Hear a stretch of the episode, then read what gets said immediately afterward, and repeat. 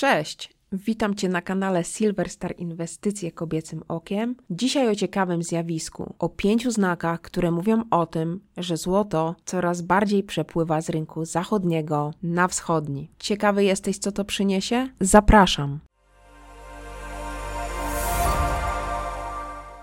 Kochani, już 18 listopada 2023 roku we Wrocławiu czwarta, kolejna edycja konferencji i targów Metalverse. Bardzo się cieszę, że po raz kolejny spotkamy się z praktykami branży, nie tylko rynku krajowego, ale również czeka nas wizyta gościa z jednej z najbardziej znanych mennic na świecie. To jeszcze przez chwilę będzie niespodzianka. Oraz, że znów prelegenci przyniosą uczestnikom masę praktycznej wiedzy z rynku metali szlachetnych. Czekam na Ciebie, wierzę, że będziemy się doskonale bawić. Partnerom dziękuję za wsparcie mimo tego trudnego rynku, jaki jest dzisiaj. Wszystkie szczegóły dotyczące konferencji i targów Metalverse znajdziesz na stronie www.metalverse.pl. Odświeżaj, by zobaczyć, jakie informacje nowe pojawiły się na tej witrynie. Do zobaczenia we Wrocławiu. Zapraszam Cię bardzo serdecznie. Bądź tam z nami. Zacznijmy od tego, że złoto idzie tam, gdzie są pieniądze,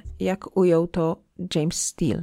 Banki centralne należą do najsilniejszych nabywców złota. Znajduje to również odzwierciedlenie w ciągłym entuzjazmie banków centralnych dla złota, zwłaszcza w krajach niezachodnich. W 2022 roku największe zakupy złota przez banki centralne od ponad 70 lat rozpoczęły się na poziomie 1136 ton. W pierwszej połowie 2023 roku kontynuowano ten trend. Pomimo słabszego drugiego kwartału, zakupy banków centralnych w pierwszej połowie roku stanowiły nowy rekord półroczny. Banki centralne zwiększyły swoje rezerwy złota o 378 ton od stycznia do czerwca. Poprzedni półroczny rekord z 2019 roku został zatem nieznacznie przekroczony. Największe zakupy dokonały Chiny, a następnie Singapur, Polska, Indie i Czechy. Wykres, który teraz widzicie, pokazuje w jakim stopniu instytucjonalny popyt na złoto przesunął się na wschód. Porównuje skumulowaną sprzedaż złota w zachodnich bankach centralnych ze skumulowanymi zakupami złota w szanghajskiej organizacji współpracy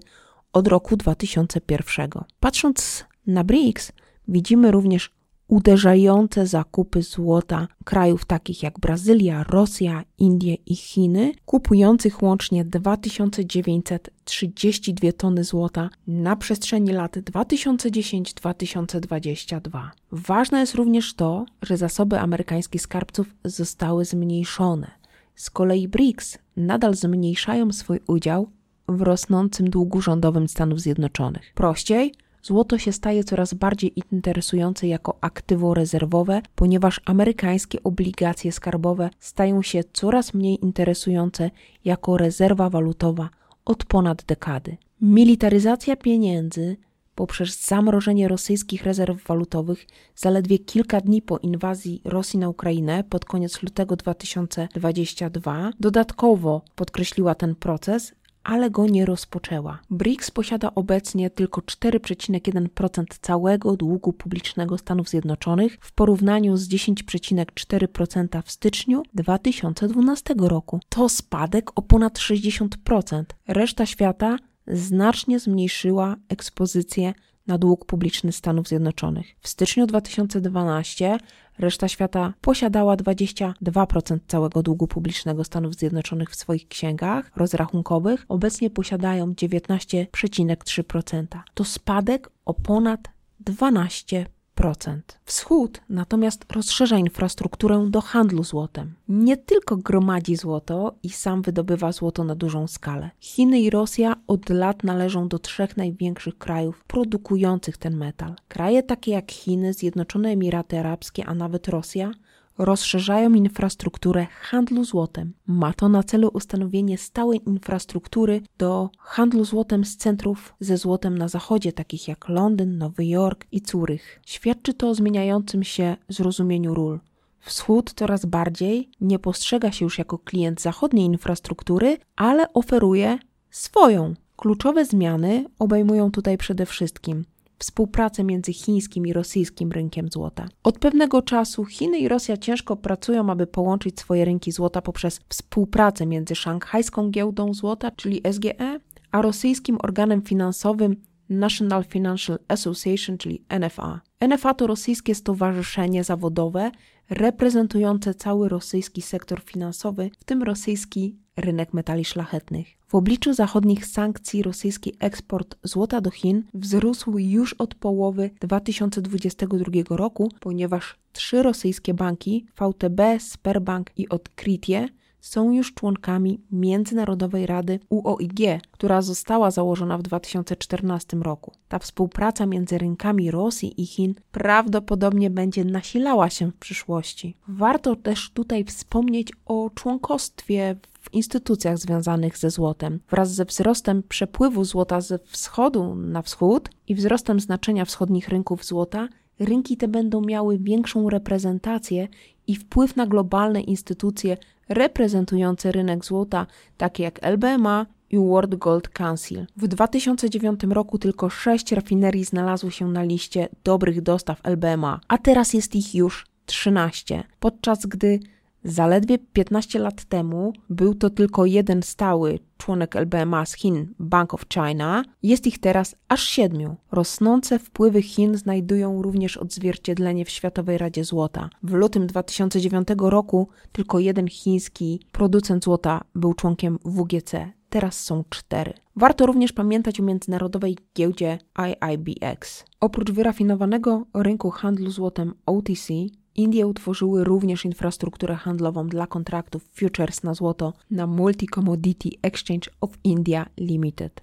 W lipcu 2022 roku indyjska IIBX, wspierana przez rząd Indii, została oficjalnie otwarta w celu handlu kontraktami spot złota wspieranymi przez fizyczny metal. IIBX znajduje się w specjalnej strefie ekonomicznej w mieście Gift w indyjskim stanie Gujarat, a złoto leżące u podstaw umów tam jest przechowywane. Jednym z celów IIBX-a jest umożliwienie wykwalifikowanym nabywcom importu złota bezpośrednio do Indii bez potrzeby angażowania w to banków lub autoryzowanych agencji. Do tej pory jednak wolumeny handlowe były minimalne. Kolejną rzeczą, o której warto pamiętać, to ustanowienie światowego standardu moskiewskiego. Pod koniec lutego 2020 roku, kiedy Zachód nałożył sankcje na Rosję, natychmiast po rozpoczęciu wojny na Ukrainie, London Bullion Market Association, czyli LBMA, wykluczyło trzy rosyjskie banki VTP, Bank i Odkrytie i kilka dni później LBMA usunęła wszystkie sześć rosyjskich rafinerii metali szlachetnych z listy dobrych dostaw LBMA, a grupa CME poszła w ich ślady i również usunęła te rafinerie z listy zatwierdzonych rafinerii COMEX. W rezultacie Moskwa ogłosiła w lipcu 2022 roku, że zostanie utworzona nowa infrastruktura do handlu metalami szlachetnymi, niezależna od LBMA i niezależna od COMEX. Według Moskwy ma to na celu przełamanie supremacji Londynu i Nowego Jorku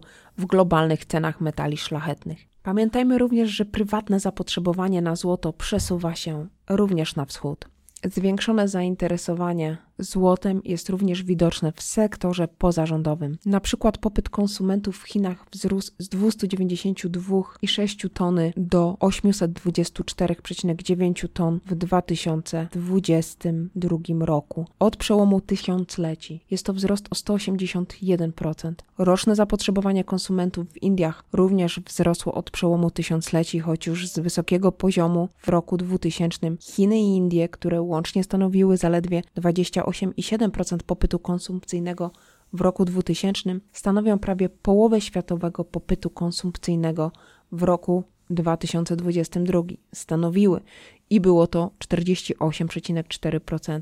I razem nabyli 1600 ton złota w zeszłym roku. Bardzo ciekawe jest to, że cena złota w walutach wschodu znacznie wzrosła. Na koniec września złoto było o 14,6% wyższe w rupiach indyjskich niż na początku 2022 roku. o 18% wyższe w chińskim renminbi, o 34,3% wyższe w rublach rosyjskich, o 22,1% wyższe w randzie południowoamerykańskim i o 114% wyższy w lirach tureckich. Złoto imponująco pokazuje zatem swoje właściwości, zachowujące wartość w trudnych sytuacjach politycznych i makroekonomicznych w tych krajach. Znacząco zwiększona premia za cenę złota w Chinach od lipca jest niewątpliwie znakiem, że na rynku chińskim występuje strukturalny niedobór złota, a tym samym wyraz silnego popytu na złoto, jaki możemy na bazie tego, co przytoczyłam, wysnuć wniosek. Te zmiany popytu z zachodu na wschód można zaobserwować nie tylko wśród rządów ale także wśród inwestorów instytucjonalnych i prywatnych. Złoto płynie tam, gdzie jest najbardziej cenione i gdzie wzrósł dobrobyt gospodarczy i stopy oszczędności. W perspektywie średnioterminowej zmiana popytu powinna zatem znaleźć poparcie dla wyższych perspektyw wzrostu w Azji i na Bliskim Wschodzie. Jak wskazuje najnowsza prognoza wzrostu gospodarczego MFW, podregion wschodzącej i rozwijającej się Azji wzrośnie w tym roku o 5,2 a w przyszłym roku o 4,8%, podczas gdy Zachód będzie rósł znacznie mniej. Może to doprowadzić do znaczących zmian ceny złotego kruszcu i na Zachodzie, i na Wschodzie. Proszę Cię, daj znać, co myślisz na ten temat, czy rzeczywiście na tych dwóch rynkach, zachodnim i wschodnim, rozjedzie nam się cena złota. Ja jestem bardzo ciekawa zmian, które zachodzą i tego, co ze sobą niosą, ale bardzo chętnie poznam Twoje zdanie w tym temacie. Dziękuję już za dzisiaj. Widzimy się niebawem na Metalverse we Wrocławiu. Pozdrawiam Cię. Cześć!